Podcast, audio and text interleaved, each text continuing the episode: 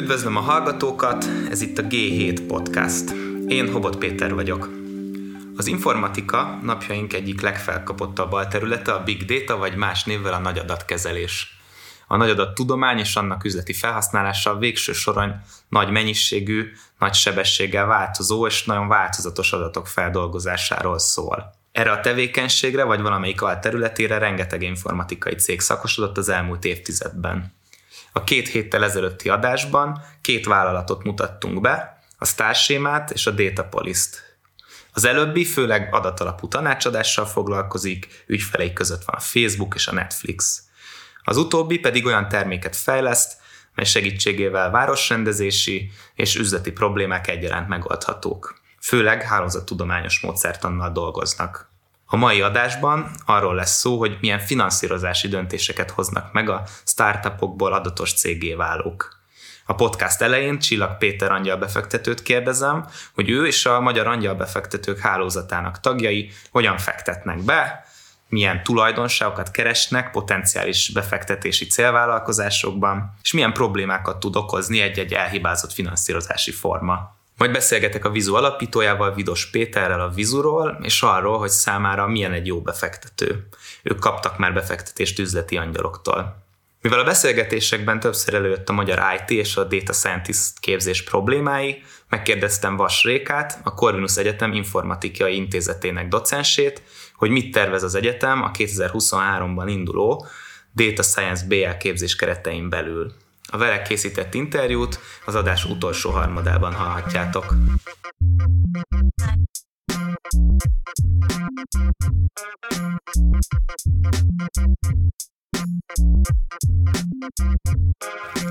Egy vállalkozás ötletre pénzt szerezni nehéz.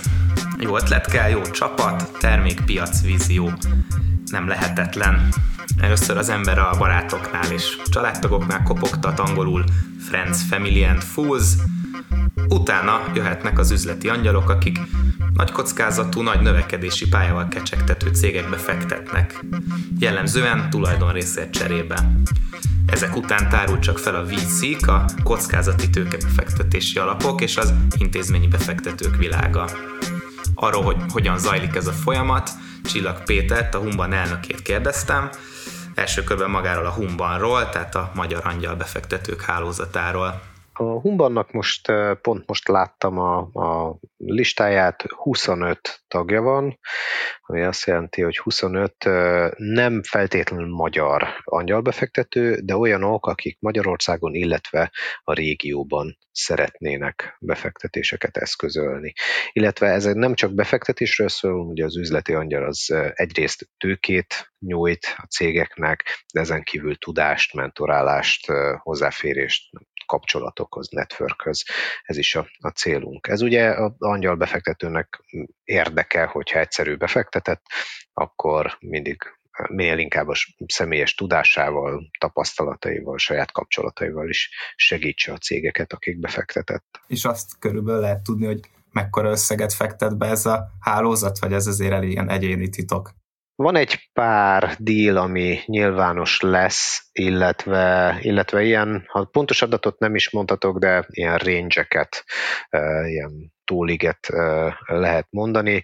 Ugye ezek a, a angyalbefektetések mindenféle jogi és egyéb hercehúrszával járnak, és hogy egyáltalán ez a macera megérje, ezért ennek van egy ilyen minimum szintje, azért 5-10 ezer euró alatt tényleg inkább a barátok szoktak kölcsönadni, tehát ez inkább ettől a szinttől indul.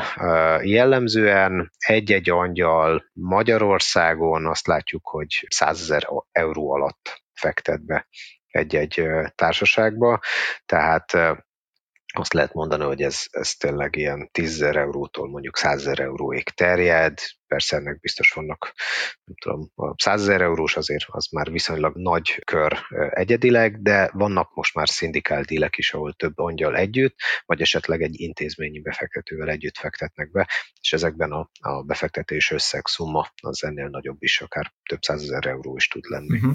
Tehát ugye akkor ez az angyal befektetők akkor jönnek képbe a cég életében, amikor ez a 3F a befektetéseknek úgy a végét járja a cég, ez, és utána még, a, még venture capital még, még nem jöhetnek szóba, hogy te hogy látod, hogy mikor van legnagyobb szüksége, vagy melyik fázisban szokott szükségelni a cégeknek angyalbefektetés? Igen, ezt így ne, nehéz belőni, hogy, hogy mikor jó egy angyalkör egy cégnek, és, és ilyen szempontból a Humbannál mi is elég válogatósak vagyunk, hogy ki az a cég, aki abban a stációban, abban a státuszban van, abban a fázisban, ahol, ahol a mi általunk adott tőke és tudás az hasznos, leginkább hasznosulni tud.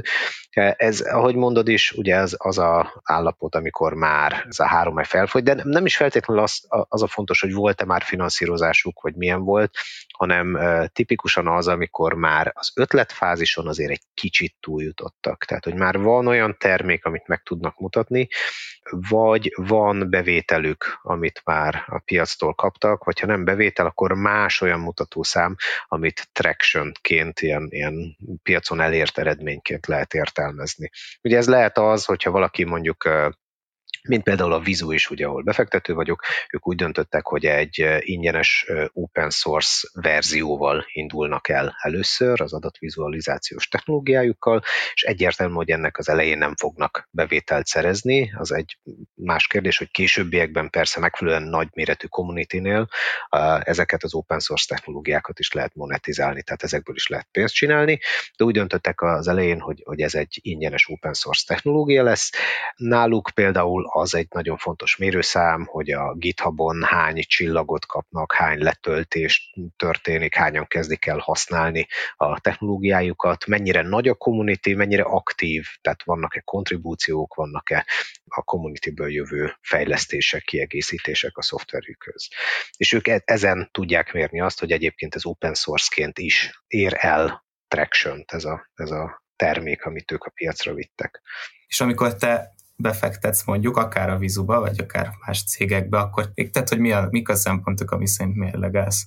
Egyrészt ez a terméket nézzük meg, amit, amit a piacra visznek, és akkor itt vannak olyan befektetők, vannak olyan angyalok, akik valamennyire ismerik a, a piacot, ahova ez a termék kerül. Például, mivel én adatos technológiákkal foglalkozom jó sok év óta, egyértelmű volt, hogy a vizut nem csak olyan szemmel nézem, hogy egyébként pénzügyileg megéri-e, hanem a, a piaci ismereteimet próbálom használni arra, hogy megítéljem, hogy valóban jó helyen vannak-e most a piacon, illetve a piac arra felé megy-e, olyan irányba történnek a változások, hogy a következő pár évben ez a termék sikeres lehet, és még nagyobb traction érhet el a, a piacon. Én, én ilyen szempontból jobban szeretem a szakmai befektetéseket, ahol, ahol a korábbi tapasztalataim azok valamennyit érnek, tehát az adott pénzen kívül magát a piacot, a helyzetet is meg tudom ítélni, ez ugye a döntés segíti meg, illetve ez azt is jelenti, hogy a későbbiekben ezeket a, a cégeket befektetőként, vagy mentorként, vagy tanácsadóként is tudom segíteni. És ez a Vizu esetében is így van, tehát a Vidos Petivel hetente szoktunk beszélni, és hogyha nem tudom, bármivel, cégépítéssel, piaccal, bármivel kapcsolatban vannak kérdései, akkor megpróbálom az elmúlt évek tapasztalatát arra használni, hogy persze őket is segítsem, és ebben rettentő önző vagyok, hiszen azt szeretném, hogy a befektetésem az megtérüljön, és sokat érjen pár év múlva. Uh-huh. Az egyik ilyen blogposztodban egy tök érdekes dolgot mondtál, ez az érték semlegességnek a, a, tehát a, az ellenzése, itt valamilyen értékalapúságról írtál, hogy Ja, nyilván ez egy egyértelmű dolga, hogy az ember, vagy hát ezt business schoolokat tanítják, tehát hogyha van egy jó termék, van valami piacképes, látunk egy jó csapatot, valamilyen alapszámokat hoznak, akkor lehet érdemes befektetni. Egy blogposztodban arról írtál, hogy valahogy azért ennél talán több is lehet, vagy kell, és hogy a startupnak nagyon fontosak az ilyen értékalapjai, ezt ki fejteni, hogy mire gondol? Igen, tehát hogyha elkezdjük, én, én rettenetesen hiszek a, a, a kapitalizmusban, tehát hogy ez egy, ez egy ilyen nagyon kockás farkas törvényekből álló, de egyébként pont emiatt jól megérthető és, és jól játszható terep, és, és ez, ez, ez ad, ad egy nagyon jó keretet a, a cégeknek a növekedésre, viszont ezek között a keretek közt mi, mint emberek mozgunk. És, és hogyha egy, így a, csak a kapitalizmus farkas törvényei szerint elkezded a, az üzleti lehetőségeket értékelni, akkor a végén mindig oda jutsz, hogy igazság szerint kábítószert és fegyvereket kéne eladnod, mert hogy abban van a legnagyobb profit, és azt lehet a legjobban skálázni, és erre van hosszú távon mindig szükség a piacon. De hogyha nem ennyire csak ilyen pénzügyi profit maximalizáló szemmel nézed a dolgot, hanem te, mint humán egyed, ennek a közepén olyan döntéseket hozol, hogy neked mi a fontos, te miben hiszel, mit gondolsz, hogy mi az az érték, amit hozzáadhatsz a világhoz, amitől egy kicsit jobb hely lesz, és neked is jobb lesz benne élni holnap vagy holnap után, akkor, akkor ez az előző logika azért, ha nem is dől meg teljesen, hiszen azért vannak fegyver és kábítószerkereskedők a világon, de hogy módosul. Én legalábbis úgy gondolom, hogy én magamnak biztos, hogy ennél jobb, meg nemesebb célokat szeretnék kitűzni. És akkor itt, itt egy kicsit azért bonyolultabb lesz a képlet, hogy mi a metszete annak, ami üzletileg megéri, cserébe viszont emberileg én elfogadhatónak tartom, és még fenntartható is, és hosszú távon is tudjon működni. És akkor így, így, így azért ott már van egy kis agymunka, mire ezt az ember megtalálja. Aztán először megtalálod, akkor kiderül, hogy valami hibázik, tehát nem tudom, nem éri meg, üzletileg nem jó, vagy szakmailag nem megfelelő, vagy emberileg nem fölvállalható. Tehát, hogy mindig jönnek újabb és újabb kihívások, kiderül, hogy amit eredetileg gondoltál, az nem pont úgy van. Ilyenkor ilyenkor mindig kicsit tovább kell menni, és tovább keresni, csiszolni ezeket a dolgokat.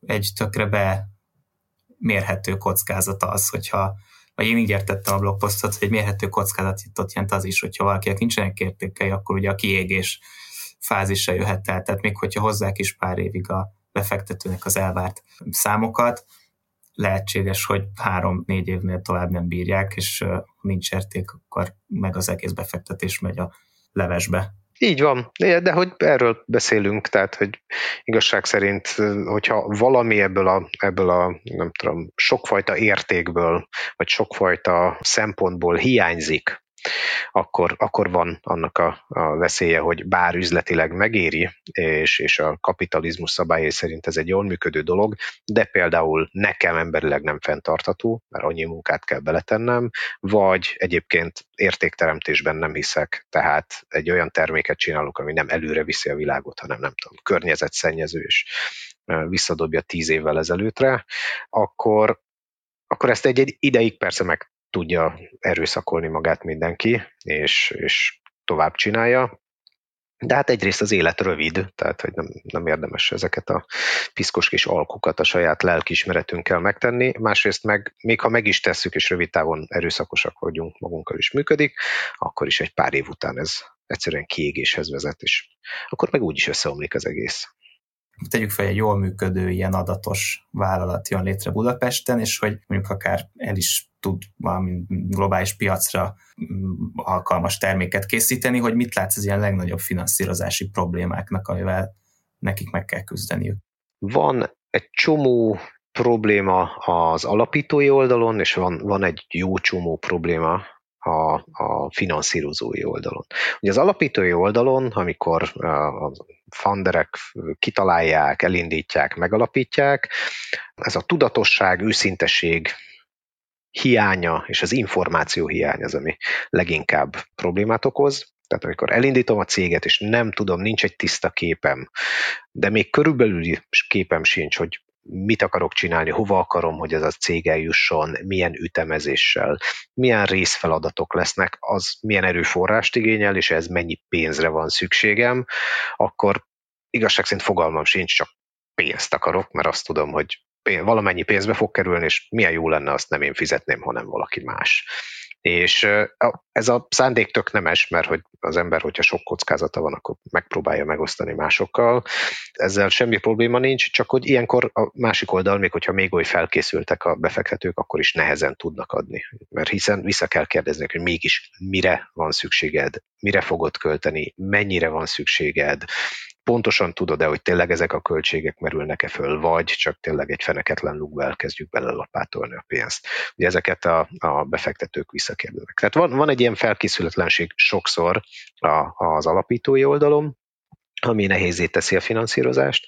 A másik oldalon, meg ugye a finanszírozó, és legyen az akár, nem tudom, egy bank, bár ugye startup finanszírozásban az azért elég ritka még, de, de akár tőke oldalról, angyal befektetők, intézményi befektetők oldaláról is, a legnagyobb problémának azt látom, hogy még hogyha ez az igényük meg is van, hogy megértsék, hogy mire megy el ez a pénz, nagyon sokszor nincs meg a tudásuk hozzá.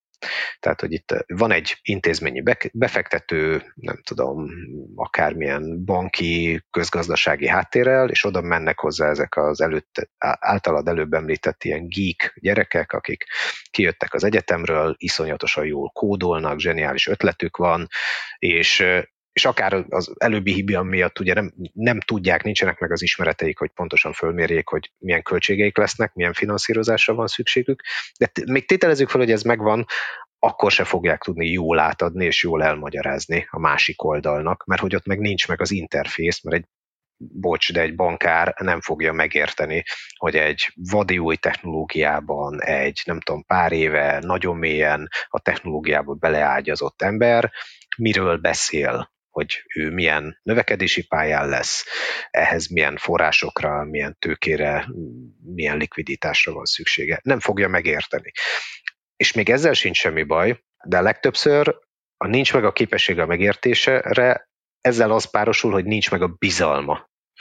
És mert dönthetne úgy is, hogy egyébként én nem értem, hogy mit mondtasz, barátom, hogy mire kell neked ez a pénz, de tudod mit? Bízom benned, és odaadom, és ez, ez még egy kicsit ilyen, tudod, ilyen, ilyen izé, kockadobás, de hogy, de hogy ez még akár működhet is. A legrosszabb a finanszírozásnál az, hogyha nincs meg ez a tudás, nem érti, hogy mire kell a pénz, de bizalma sincs meg, viszont van rajta egy befektetői nyomás, mert hogy a pénzt ki kell helyezni, és profitot kell csinálni, és nem tudom, az alapban még ott az a sok pénz, és ott a startupoknak kell oda kell adni. Jön valaki, nem értem meg, de nem is bízom benne, odaadom neki a pénzt, és teleírom marhaságokkal a, a, a befektetési szerződést, hogy egyébként milyen kontrollokat gyakorlok a fölött, hogy hogyan költi el. Hát, van egy rossz hírem, ez nem oldotta meg a problémát. Finanszírozás ott van ennél a cégnél, és teleírtuk marhaságokkal a, a, azért a befektetési szerződést, e, rákényszerítjük elmebeteg riportolásra, nem tudom, milyen gúzsba kötve táncolásra ezeket a startup alapítókat, azért, hogy úgy csinálhassunk befektetői oldalon, mintha kontrollálnánk, hogy ő hogy költi el a pénzt. A végén a legrosszabb outputja lesz, mert hogy nem fog tudni rendesen működni ez a srác, a pénz nem segít neki úgy, ahogy kéne, el fogja bukni a pénzt, a befektető elveszti, és még a, a, az alapító is rettenetesen meg lesz sértve a világra, hogy igazság szerint neki nem ilyen lovat ígértek, mert kapott ugyan pénzt, meg szerepelt a Forzon, ugye, hogy a világ siker kapujából lévő startup, vagy a G7-en, bocsánat, a, a, a, hogy a világ siker világsiker kapu, kapujában lévő startup alapító kapott befektetést, és innentől minden habzsidőzsi,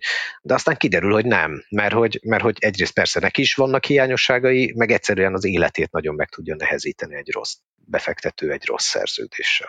Akkor ebben a iparágban, amit az IT-nak végül is egy alterülete, ez a adatra épülő valamilyen technológiai termék, ebben az iparágban lehet nem IT-sként jól viselkedni, be jól szerepelni? Tehát a kicsit, amit mondasz, abban nekem az jön le, hogy még a befektető is akkor tud sikeresni, ha igazából, ha nem is a legkisebb, nem a legkisebb csavarig, de azért érti, hogy mit csinál a termék, és érti azt, hogy ez miért jobb, mint a másik három termék, ami amúgy szintén ugyanazon a globális piacon versenyez. Nem, nem kell ennek a befektetőnek, tehát nem a befektetőnek kell mindent tudnia és mindent értenie, hanem neki is őszintének kell lennie. Tehát én, én mondhatom azt befektetőként, hogy srácok, ehhez nem értek. A döntés az, egyrészt az lehet, hogy nem fektetek be, mert nem értek hozzá. A másik lehetőségem az az, hogy ezt a tudást megszerzem, vagy úgy, hogy megtanulom, vagy úgy, hogy megveszem. Tehát ezek a befektetési társaságok is dönthetnének úgy, hogy ők megfizetnek, fölvesznek, meggyőznek, akár korábbi portfólió cégeikből bevonnak olyan embereket, akik viszont szakmailag értenek hozzá. És a döntést, a szakmai döntést, azt rájuk bízzák. Hogy ezt miért nem teszik, az már egy kicsit más dolog, ennek költségvonzatai vannak, idővonzata, stb., de hogy szerintem a megalapozott szakmailag megalapozott befektetői döntés, az ilyenfajta megítélést is, a szakmai megítélést is tartalmaznia kell valamennyire.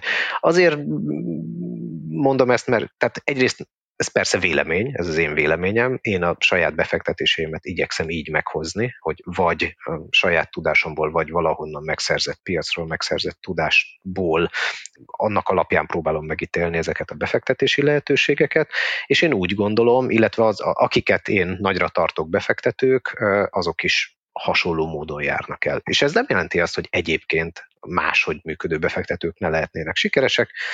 Nem tudom, nekem ez, ez a szimpatikusabb viselkedés. Az ilyen különböző finanszírozási formák együttes jelenléte a startupban az mennyire általános, és ez ebből fakadó olyan problémák azok hogy oldódnak meg?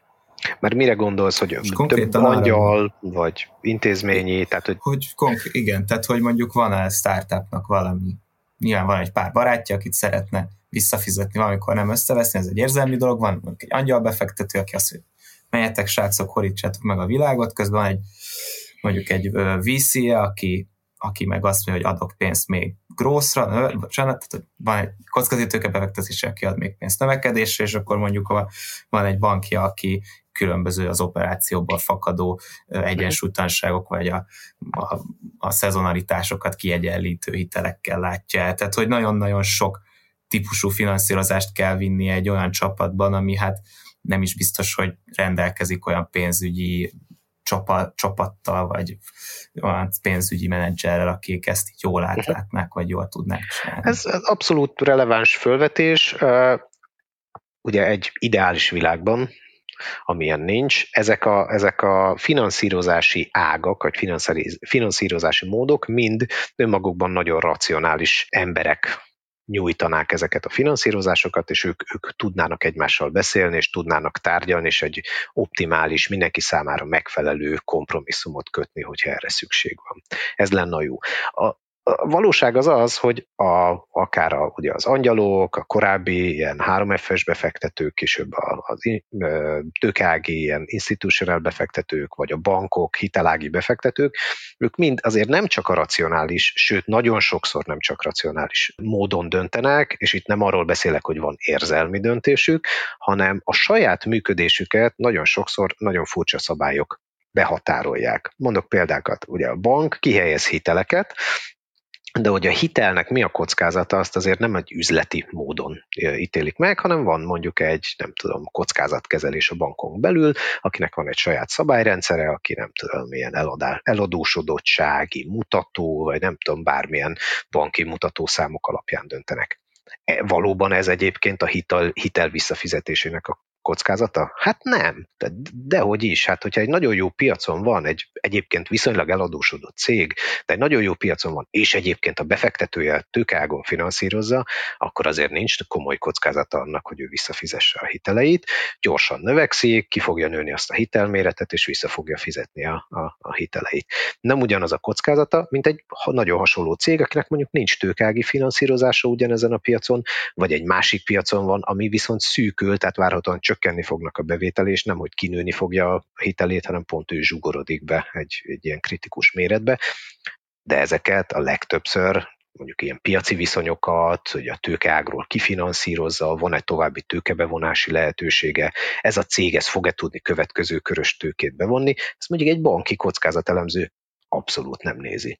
És ugye a, a sok szereplő közt a finanszírozott cég és az ő vezetői, azok egy kicsit ilyen, ilyen mint a fogaskerekek közé kerültek volna, mert hogy őket őrlék ezek a furcsa szabályrendszerek, hogy a banki kockázatkezelés, azért a intézményi befektetőknek e, is van egy csomó saját szabályuk, hogy milyen befektetési bizottság döntéseken keresztül hogyan tudnak befektetni, meg mennyit, milyen ütemezéssel, pláne, hogyha az alapjuknak van valami ugye zárási ideje, amikor viszont ezt vissza is kell kérniük, és, és e, ilyen nagyon furcsa, nagyon szögletes, nagyon merev, néha a racionalitással szembe menő szabályok közt kell tudni navigálnia ezeknek a cégeknek. Ez egy nehéz dolog tud lenni. Az egyik módszer, hogy nem vonunk be ilyen finanszírozást, és akkor nem veszünk föl hitelt, meg nem kérünk a kockatőkésektől, de hát tudjuk, hogy ennek ára van, hogyha mindig csak a zsebünkben csörgő aprót költjük, költjük el a, a, a cégünk növekedésére, akkor azért abból nem lesz világsiker. Hát a másik lehetőség, hogy itt is nagyon tudatosak vagyunk, és ezt a tudást egyszerűen megszerezzük, megvesszük, és igenis be kell vonni ezeket a szakértőket. Uh-huh. És tehát mondjuk így nagyon leegyszerűsítve, hogy akár ilyen podcastba is jól fogyasztható legyen, mondjuk tegyük fel, hogy van egy hármas, hogy van egy ilyen termék és piac összhang, vagy kombináció, van egy csapat, meg van egy valamilyen finanszírozási struktúra. Ugye ebből a hármasból te miket, milyen ilyen összetételeket keresel, vagy mikre törekszel, hogy amikor befektetsz, akik úgy hogy adsz pénzt? Igen, hát ugye itt a csapat elsőbségét, vagy elsőségét szokták mondani, hogy az, a, az az igazán fontos, és valóban így van, tehát hogyha egy olyan csapat van, ahol az alapítók összeszokottak, már rendelkeznek valamilyen tudással, vagy hogyha még nagyon juniorok, akkor viszont nyitottak a tanulásra, és látszik rajtuk, jól kérdeznek, ez egy nagyon fontos dolog, hogy nagyon sok startuppal találkozunk, akik önbizalomtól telve eh, hangzatos dolgokat állítanak, amik nem feltétlenül igazak, de hát ugye ők ezt tanulták meg, hogy magabiztosnak kell lenni, és biztosan kell állítani dolgokat. Viszont, hogyha, hogyha olyan emberekkel találkozol, akik, akik az látszik, hogy egyrészt vagy van tudásuk, vagy nyitottak arra, hogy ezt a tudást megszerezzék, kérdeznek, és jól kérdeznek, és amit hallanak, és válaszokat hallanak, azokat gyorsan feldolgozzák, és gyorsan tudnak akár menet közben módosítani a stratégiájukon, akkor ez a strat, csapat, ez determinálja azt, hogy egyébként jó lesz a termék. Mert megszerzik azokat az információkat, ami alapján a terméket jól fogják tudni pozícionálni a piacon, igen, lesz market fit, ha ez megvan, akkor meg fogják tudni szerezni a finanszírozást is hozzá. Tehát akkor itt igazából emberek befektetünk, mondhatod, mondhatjuk úgy is. Így van, de az embereket sokszor a már elért eredményeik alapján fogjuk tudni megítélni. Tehát, hogyha egy olyan startuppal találkozol, aki már azért egy-két éve a piacon van, akkor az a az elvárásod, hogy igen, akkor már a termékét, a finanszírozását, stb. olyan szinten hozza, és mutatja meg, hogy amit ennyi idő alatt el lehetett érni, ezt már el is érte. Jó, ilyen, ilyen záró, nem kérdés, de záró területnek itt a magyar helyzetet szeretnék rákérdezni, hogy, hogy mit gondolsz, hogy milyen ilyen ökoszisztéma van most így Magyarországon, pertán a régióban is van rálátásod, ilyen kifejezetten ilyen adatos IT cégeknek a, uh-huh. a fejlődésére. A magyar, illetve a régiós piacnál ugye szokták fölróni a magyar piacnak, és nem csak adatos, általában a technológia területen, például Magyarországon még egyáltalán nincs unikorn, és talán a következő évben lesz egy-kettő, hiszen van egy pár startup, aki nagyon jól, gyorsan fejlődik, a környező országokban is alig-alig van. Ez nem, nem feltétlenül azért baj, mert hogy a nemzeti büszkeségünk sérül, mert az, azzal még azért szerintem lehet aludni, hogyha nem vagyunk annyira büszkék, de a probléma az az, hogy ezek a cégek vonzanak be annyi tőkét, és vonzanak be annyi tudást, és annyi tapasztalt embert, amivel aztán az ökoszisztéma tud sokkal gyorsabban fejlődni. És ez igazság szerint ez hiányzik nekünk. Tehát azért van egy kicsit így megbillenve a világ, hogy azokban az országokban, ahol sok az unikorn, és ott sok is a pénz, sok a tőke, hiszen ezek bevonzották azt a sok tőkét. Azok az emberek, akik ezeknél az unikornisoknál egy nagyon gyors növekedési fázist végigéltek, látták, hogy lehet kis cégből közepeset meg nagyot csinálni, ezt a tudást, ezt akár annál a cégnél kamatoztatják tovább, akár kiváltak már is új cégeket alapítottak, ők nagyon-nagyon gyorsan tudnak fejlődni. Van pénz, van tudás, van ember, és tételezzük fel, hogy van egy támogató környezet, jogi, gazdasági környezet, akkor ott az nagyon gyorsan tud fejlődni. Nálunk ennek darabkái megvannak,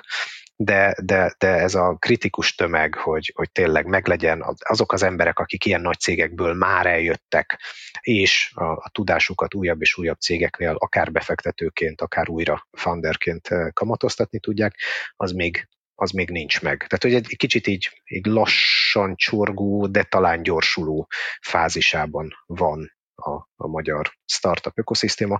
Igaz ez az adatos vagy más technológiai cégekre is. És ezeken a különféle kormányzati tevékenységek tudnak segíteni?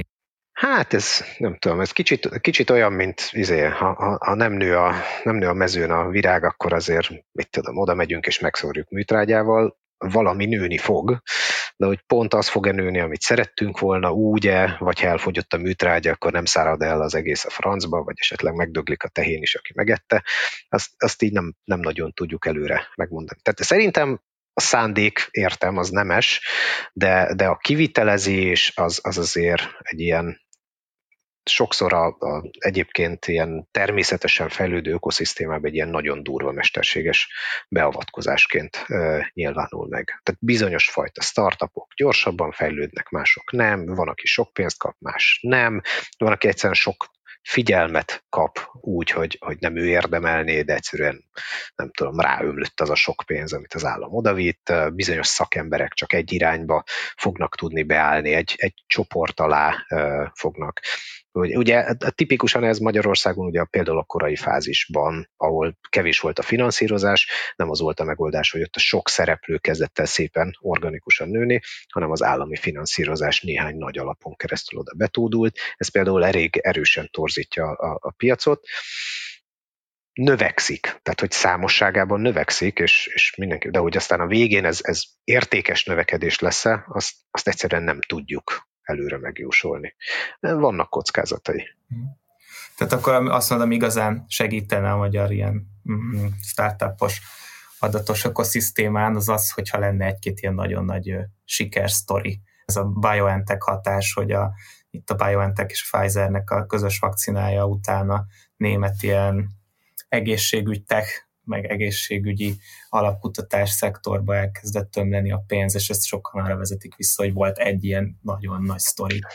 Igen, ez, tehát ez, ez egy ilyen, ilyen sokfajta hatás egyszerű. Ugye egyrészt tényleg az ott lévő, ezekben a cégekben lévő, ott már dolgozott embereknek a tudása, a networkje beleépül. De igen, a tőke is sokkal könnyebben megy oda, ahol látta, hogy már sikereket értek el.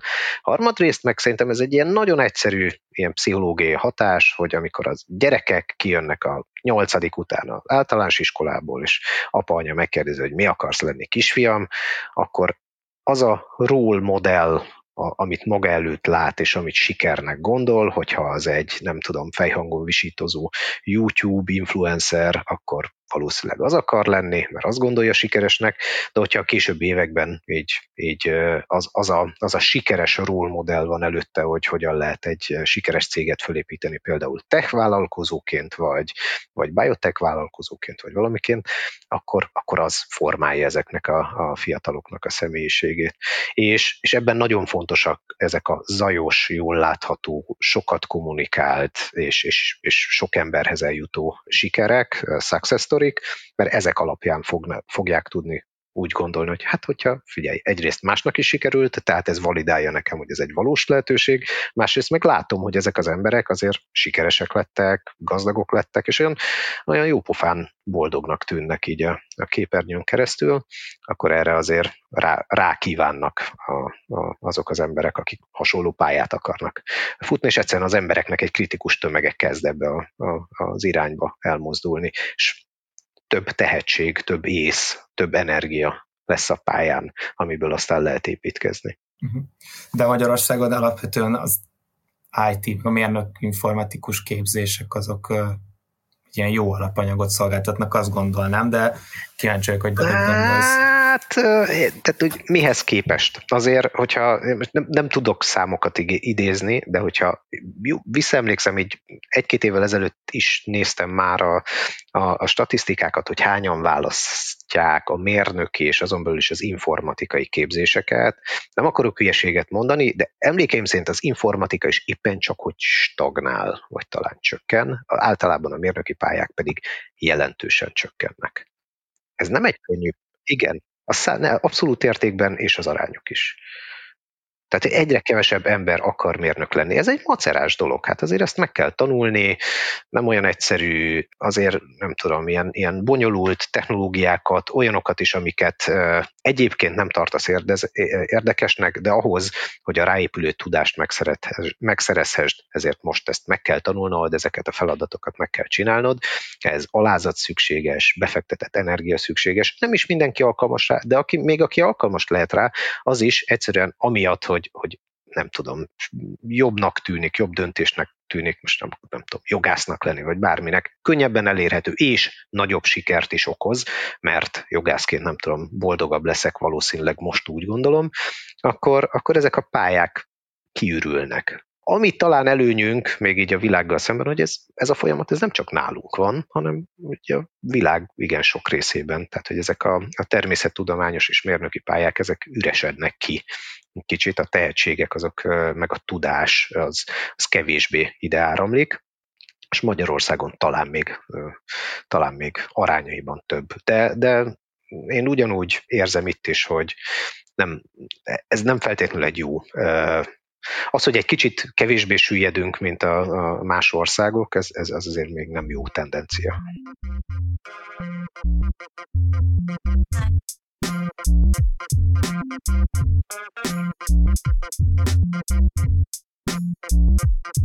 Csillag Péter másokkal köröltve már csatlakozott a Vizuhoz angyal befektetőként. Ezért megkerestem Vidos Pétert, a Vizu alapítóját, hogy megértsem, milyen cégeket keres egy angyal. Pétert a Vizu termékeiről, terveiről kérdeztem, és arról, hogy ők mit keresnek egy angyal befektetőben. A történetnek az elején tar- tartunk, különleges adatvizualizációs technológiát fejlesztünk, ami nagyon leegyszerűsítve animált adatsztorik készítésére alkalmas. Ilyesmire lehet gondolni, mint egy prezentáció, mondjuk a, egy ilyen éves beszámoló, vagy valami ilyesmi. Interaktív report, amit böngészhet egy, egy hozzá nem értő felhasználó, mint például a, az átlátszós koronamonitoron lévő dolog, amivel a, a vizu, amivel a, a koronamonitornak az aktuális adatait lehetett böngészni vagy egy valamilyen sablonra épülő személyes sztori, mint amiket a futó és egyéb sportalkalmazások küldenek. És ez beépíthető a jelenlegi formájában más szolgáltatásokba és termékekbe, és tényleg ez az animáció és a, a könnyű animálhatóság, és ezen keresztül a történetmesélés az, ami, ami különleges. Mondtad, hogy open source, uh-huh. akkor ha felmegyek a Python, és azt mondom, hogy pip install, nem tudom, vizu, akkor az fel, fel fog nekem installálni, hogy azzal a kérdésem, hogy hogy tudtok pénzt csinálni open source dolgokból. Tök jó, hogy mondod a Pythonos verziót, az egy egyébként egy, egy nyílt forráskódú kontribúcióként készült el, és az még egy nagyon korai verzió jelenleg, tehát ezt valaki tőlünk függetlenül ingyen és bérmentve megcsinálta a mi technológiánkra építve, hogy Jupyter Notebookban, Pythonban programozható formában elérhető legyen az, amit mi megcsináltunk. Ez az előnye egy, egy ilyen nyílt forráskódúban szabad licenszel kiadott technológiának, mint a miénk. A, ha most szigorúan azt nézzük, hogy hogy lehet pénzt keresni open source-szal, akkor alapvetően egyébként pont a, a, a Red Hat az egy jó példa, vagy az Apache, a, akik meg, meg különböző adatbáziskezelők most már nagy céges környezetben alapvetően open source technológiákra alapulnak, és ilyenkor a technológiának a készítője különböző olyan extra licenszekkel, vagy terméktámogatással, amit valamilyen díjért cserébe biztosít, vagy, vagy képzéssel, esetleg olyan extra szolgáltatások kifejlesztésével, amik pont az ilyen nagyobb cégek számára könnyítik meg a használatot, ilyesmivel lehet pénzt keresni ebben a, ebben a világban, és a, a Red Hat egy nagyon jó példa erre, amit mondtál a Linux-szal. Ami fontos, hogy nekünk nem ez a víziónk egyébként, tehát mi nem, nekünk ez most az első termékünk, mi alapvetően olyan végfelhasználói, tehát egy átlag Excel vagy Google Sheets használó számára is könnyen használható ilyen adat, story készítőt, adatelemző megoldást szeretnénk kifejleszteni a technológiánkra alapozva, ahol alapvetően egy ilyen nagyon vizuális módon kb. egy okos telefon használatának a bonyolultságával bárki tudja elemezni az adatait, és aztán ezt, amiket megtalált, az pedig egy ilyen filmszerű történetként elmesélni, vagy megosztani másokkal. Nyilván ez a későbbi végfelhasználói eszköz, ez nem feltétlenül nyílt forráskódú és ingyenes lesz és ezt el lehet képzelni egy direktben, nem tudom, valamilyen előfizetési díjért használható, tehát ilyen SES üzleti modellben terjesztett dologként, de el lehet képzelni valamilyen mm, szélesebb körben használt üzleti megoldásnak a az utolsó lépéseként, tehát amikor már egy, egy másik mondjuk ilyen business intelligence eszköznek a, a, a vizualizációs komponenseként, tehát a, elég rugalmas a, a maga a technológia, be lehet épülni bárhova, ahol, ahol az adatok hozzáférhetőek rendezett formában. Ezt kifejtenéd kérlek, hogy mit jelent, hogy iparáktól független és horizontális technológia? Tehát nem egy konkrét vertikumnak a kínál egy megoldást, hanem ez egy alapvetően, tehát mondom, ez, ez tulajdonképpen szinonimája egymásnak az én értelmezésemben ez a két fogalom. És ugye egy ilyen productivity tool, tehát hogy a, termelékenységet, a hatékonyságát javítja az emberek saját munkájának és az emberek közötti együttműködésnek. Ezt, ezt jelenteni ez a Horizontal Productivity Tool. Ezt, ezt mondjuk ebben a startupos világban, ha ezt tudod mondani, akkor azt értik, hogy oké, okay, akkor ez valami elég alapvető sok helyen jelentkező igényt szeretnél megoldani, vagy, vagy azon ilyen területen szeretnél javítani, ennek vannak előnyei, nyilván a piaci lehetőségek azok elég nagyok, tehát hogyha most ugye abban a cikkben is a Prezivel hasonlítottak össze minket, meg a Prezi egyik alapítója is kifejezte lelkesedését a vizu iránt, Ugye a Prezi is egy olyan eszköz, ami hát prezentálni, történetet mesélni nagyon sok különböző cég, méretű és, és különböző profilú cégben kell és szükséges, és ezért az a piac, ami, ami ott jelentkezik, az, az hatalmas és, és, és nagy, a, nagy a megszerezhető ügyfeleknek a száma. De nagy a verseny is, nem? Természetesen, persze, ez, ez ugyanezzel jár, ez, ez ők is egy úgynevezett vörös óceánba léptek bele, tehát egy olyan piacra, amin már sok érett cég van, ugye ha így veszük, akkor ők is például a Microsoft-tal azonnal szembe találták magukat, aki ugye a PowerPoint-tal hát egy elég jól ismert szereplő ennek a piacnak, és ugyanúgy nálunk is a Microsoft az Excel-lel, és a mondjuk nem annyira széles körben, de azért a különböző üzleti felhasználók által jól ismert Power BI nevű egyébként ingyen vagy rendkívül olcsón ajánlott szolgáltatásával, és még számos más szolgáltatásával jelen van ezen a piacon, de ők csak egy szereplő a, a sok másik közül. Épp ezért egyébként nekünk innen azt gondolom startupként, és elsősor, és ráadásul Kelet-Európából induló startupként fontos az, hogy partnerségeket találjunk, tehát hogy együttműködési lehetőségeket, technológiailag összekötődési lehetőségeket keressünk ezekkel a nagy inkumbens szereplőkkel, és ne, nem tudom, megpróbáljunk tőlük függetlenül őket a piacról kiszorítva elképzelni az előrevívő utat, mert az, hát hogy mondjam, elég naív próbálkozás lenne szerintem.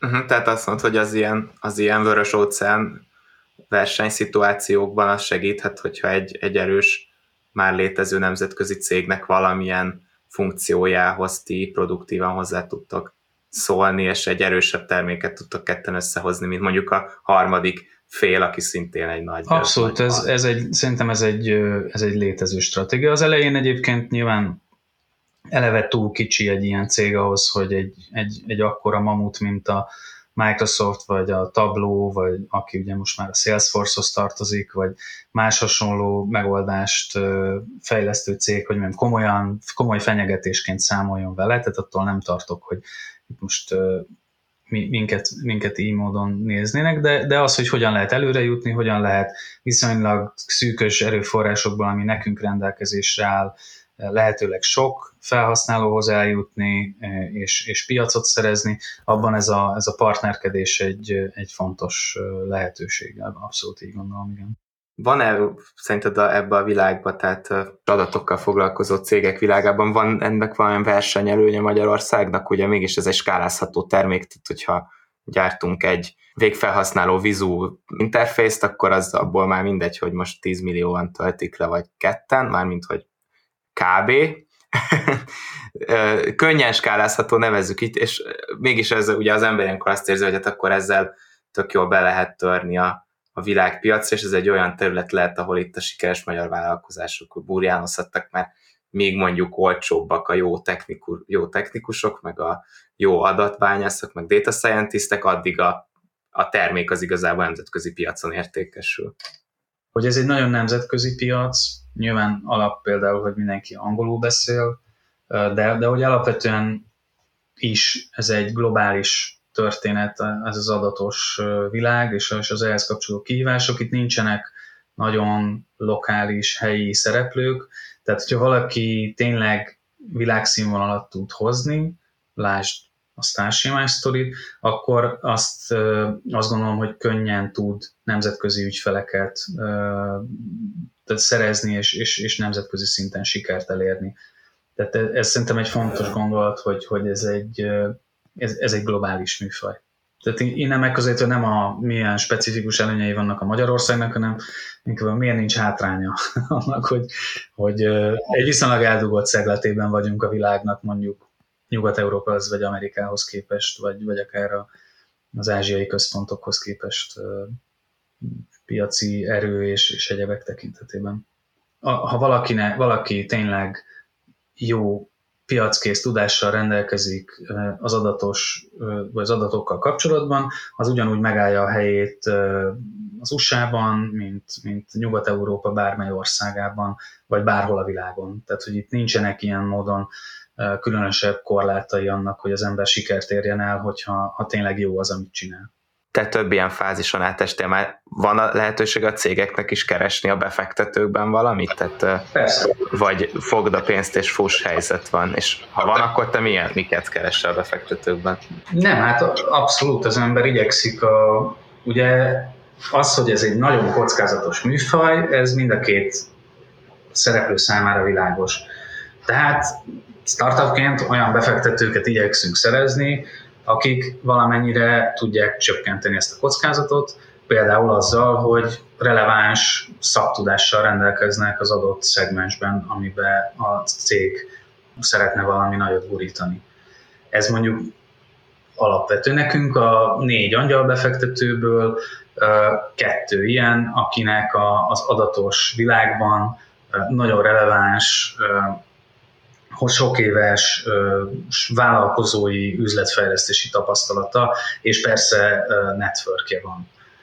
Ebből a két úriemberből az egyik ráadásul amerikai, ami nekünk nyilván egy plusz előny, hiszen Amerika a legnagyobb piac számunkra is, és, és a, a Jared Schreiber nevű úriember, aki a befektetőnk, ő, ő segít is ott kapcsolatokat építeni nekünk, illetve egy csomó olyan dologgal kapcsolatban érdemes kikérni a véleményét, ami, ami kérdésként felmerül.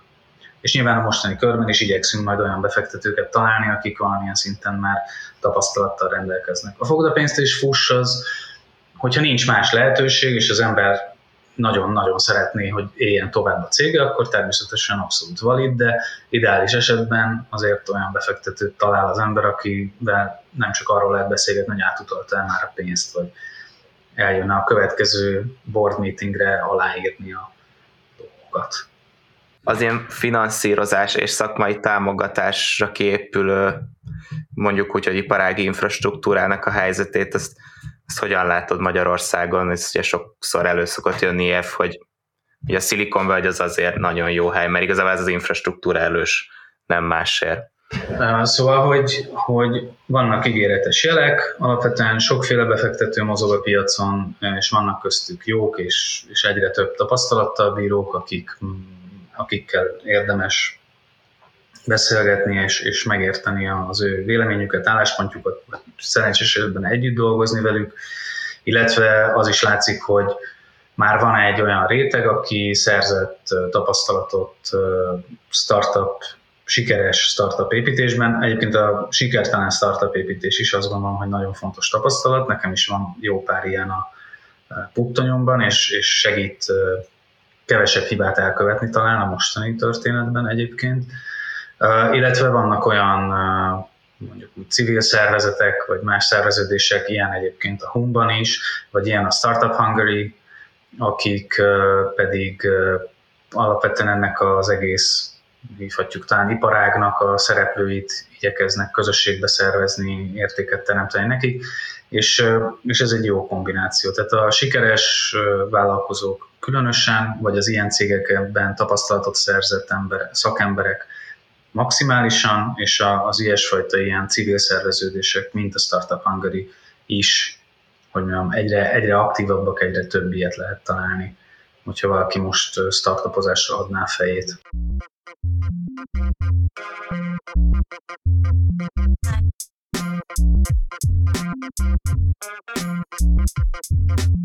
fejét.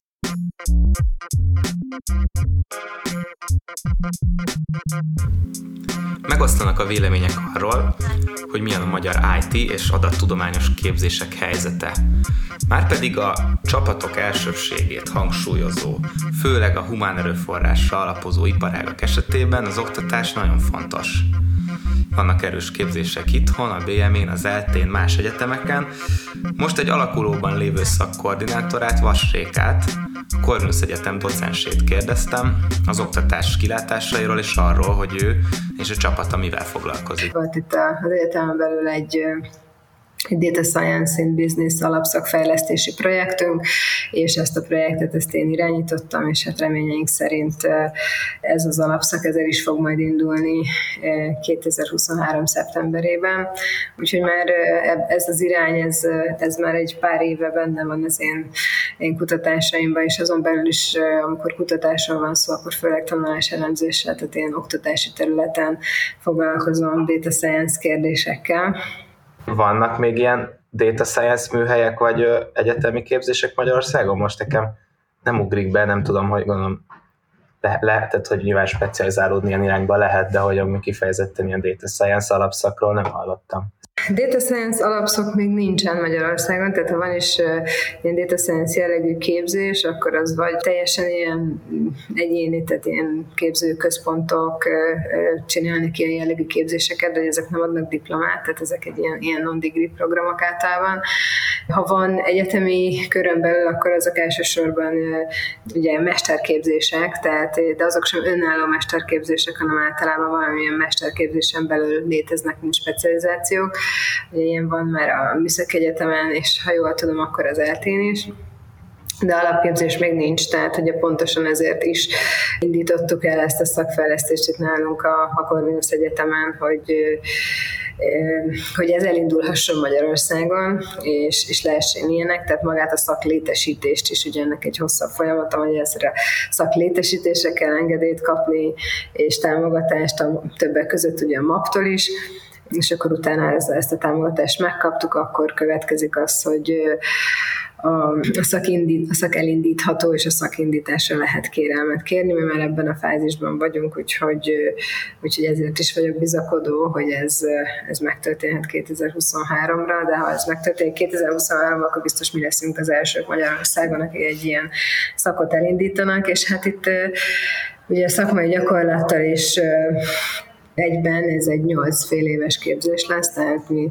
mi szeretnénk egy nagyon alapos képzést adni a, a hallgatóinknak, és hát a terv az az, hogy a, a legjobbakat vonzuk ide a Corvinusra ebben a témában, tehát nem szeretnénk egy, egy száz fősnél nagyobb alapszakot csinálni, ebből az a cél, hogy száz, száz főnk legyen. Adatos alkalmazások, vagy az adatoknak a felhasználása, és az annak valami produktív formába helyezése az a gazdaság számos területén szükséges feladat. Mert hogy, hogy lehet kezelni azt a feloldást, hogy egy data scientist az lehet, hogy egyik nap azt a feladatot kapja, hogy optimalizáljon egy webshop ajánlórendszernek a működését, de másik héten pedig lehet hozzá kell dolgozni, hogy valamilyen gyártási folyamatban analizálja, hogy hogyan lehet esetleg annak is a hatékonyságát növelni.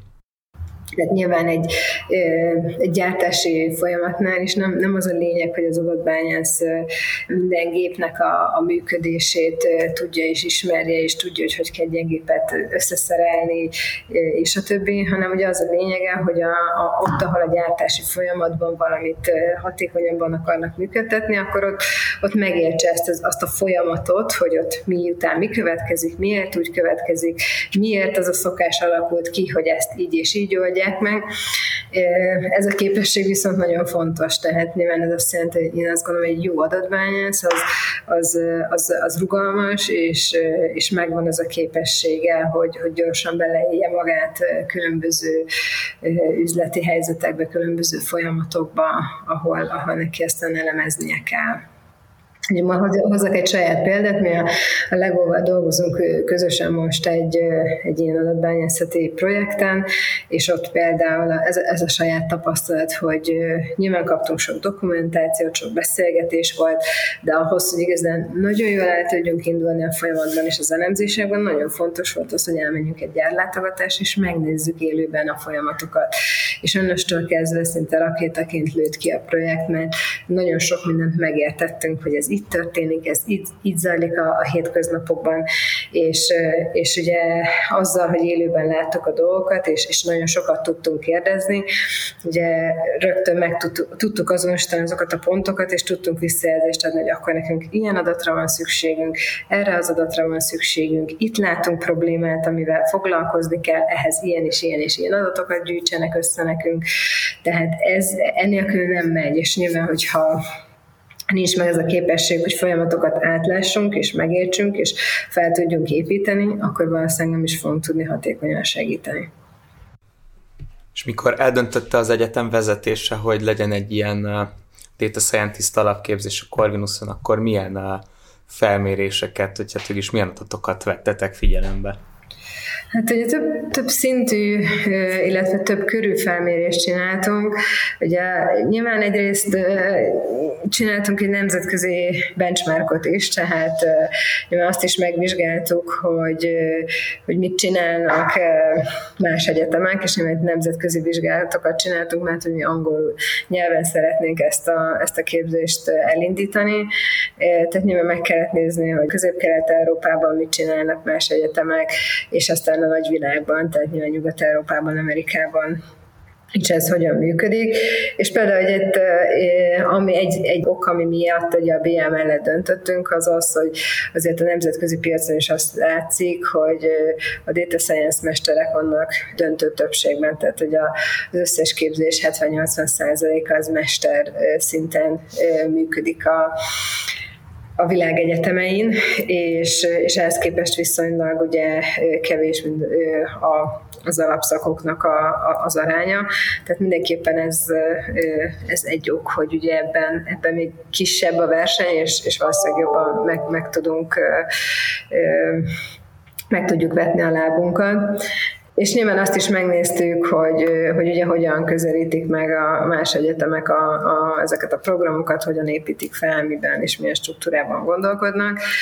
A, a másik részről viszont alapvetően ugye volt egy munkaerőpiaci felmérés is, tehát uh, itt uh, mi megkerestünk uh, tehát nyilván elsősorban olyan, olyan vállalatokat, olyan cégeket, akik Magyarországon működnek, tehát, és, és ugye ezen a, ebben a témában jártasak, és ezen a területen vannak már tapasztalataik, és, és felmértük azt, hogy, hogy náluk mi, a, mi az igény, ők mit gondolnak erről a területről, mit tartanak fontosnak, hogy milyen, milyen képességekkel rendelkezzenek azok a, azok a végzett hallgatók, akik egy ilyen képzést elvégeznek és ugye ezekből leszűrve, ezekből kiindulva raktuk össze az alapkoncepciót, és ugye mi alapvetően kompetenciákban gondolkodtunk, tehát az vezérelte végig a, a gondolkodásunkat, hogy, hogy nézzük meg azt, hogy milyen képességekkel kell rendelkeznie egy data scientistnek,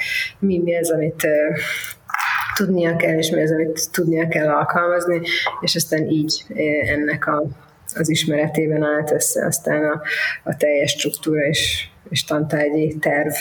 Most beszélgettem a podcast kapcsán a Starsémától, a Datapolis-tól, Vizutól, Hyperplane-től ilyen vezetőkkel, és többen mondták azt, hogy, hogy ha nem nagyon rossz az ember, vagy csak egy kicsit jó, akkor már elég jól meg lehet élnie ebben, a, ebben az iparágban, tehát valamennyire egyszerű, egyszerűen, de használható egyszerűen, egyszerűen elképsz, elkészítesz a használható projekteket. Ha az ember képes lesz szállítani, akkor akár nemzetközi piacra is törhet. Erről mit gondolsz? Igen, azt gondolom, hogy most még ebben a fázisban vagyunk. Tehát, hogy én ezzel egyetértek olyan szempontból, hogy azért a, az egész data science adatelemzés terület még, még viszonylag gyerekcipőben jár. Tehát mert, mert nagyon sokan rájöttek arra, hogy ez egy fontos terület, úgy értem, hogy a vállalatok is, hogy fontos, hogy ebben van potenciál, hogy ezt, ennek a potenciáját meg kell találni a, a, a saját iparágukban, a saját üzletükben, a saját folyamataikban, de azért még igazából ugye ez nem széles körben el, elterjedt, ugye, mert ezért nem is olyan könnyű, meg triviális ebben a, a, a területben elindulni, hiszen azért ugye sok múlik azon, hogy milyen adataink vannak, azok a, azokat az adatokat hogyan tároljuk, és, és, és mi, mi van ezzel. Tehát ma már az, aki viszonylag használható eredménnyel oda tud állni, és, és meg tudja mutatni, hogy nézd, ennyi hatékonyság növekedést tudok neked biztosítani azzal, ha így és így változtatsz a, a dolgokon, a, azzal már, azzal már könnyen, könnyen lehet sikereket elérni. De azt gondolom, hogy ez nem lesz mindig így, tehát ilyen szempontból mi például nagyon fontosnak tartottuk azt például a képzés összerakásakor is, hogy, hogy, hogy hát arra készítsük majd fel a hallgatókat, hogy ők hosszú távon is tudjanak ebben, ebben jól működni és megélni, és például szerintem ilyen szempontból a módszertani és informatikai stabil tudás az éppen ezért lesz nagyon fontos, mert ugye minél minél jobban beépül ez a vállalati mindennapokba az elemzés, annál nehezebb lesz azért itt sikereket, meg eredményeket elérni, de most még biztos, hogy, hogy könnyen lehet, mert most még viszonylag kevés a vállalatoknál a, a tudás ezen a területen. De abszolút megvan a nyitottság erre, tehát én azt gondolom, hogy ez, azért ez gyorsan fog építkezni. Egy biztos. Egy sikeres startup kulcsa a csapatban van. Okos embereknek kell elhinnie, hogy nagyon jó dolgot fejlesztenek, de képesnek kell lenniük váltani a cég irányain, ha kiderül, hogy valami mégis hiányzik a sikerhez. De a jó csapat után is rögös az út, a finanszírozási formák és a befektetők elvárásai között kell folyton lavírozni. Befektetőkre a növekedéshez már pedig mindenképp szükség van. A legjobb, ha olyan befektetőket sikerül találni, akik szaktudásukkal csökkenteni tudják a vállalat működésének kockázatát. A hallgatóknak köszönöm, hogy itt voltak velünk, iratkozzatok fel ránk ott, ahol a podcastokat hallgatjátok, és ha tehetitek, akkor támogassatok minket úgy, mintha előfizetnétek a lapra a g7.hu per támogatás oldalon. Én Hobot Péter vagyok, a G7 podcastot hallhattátok.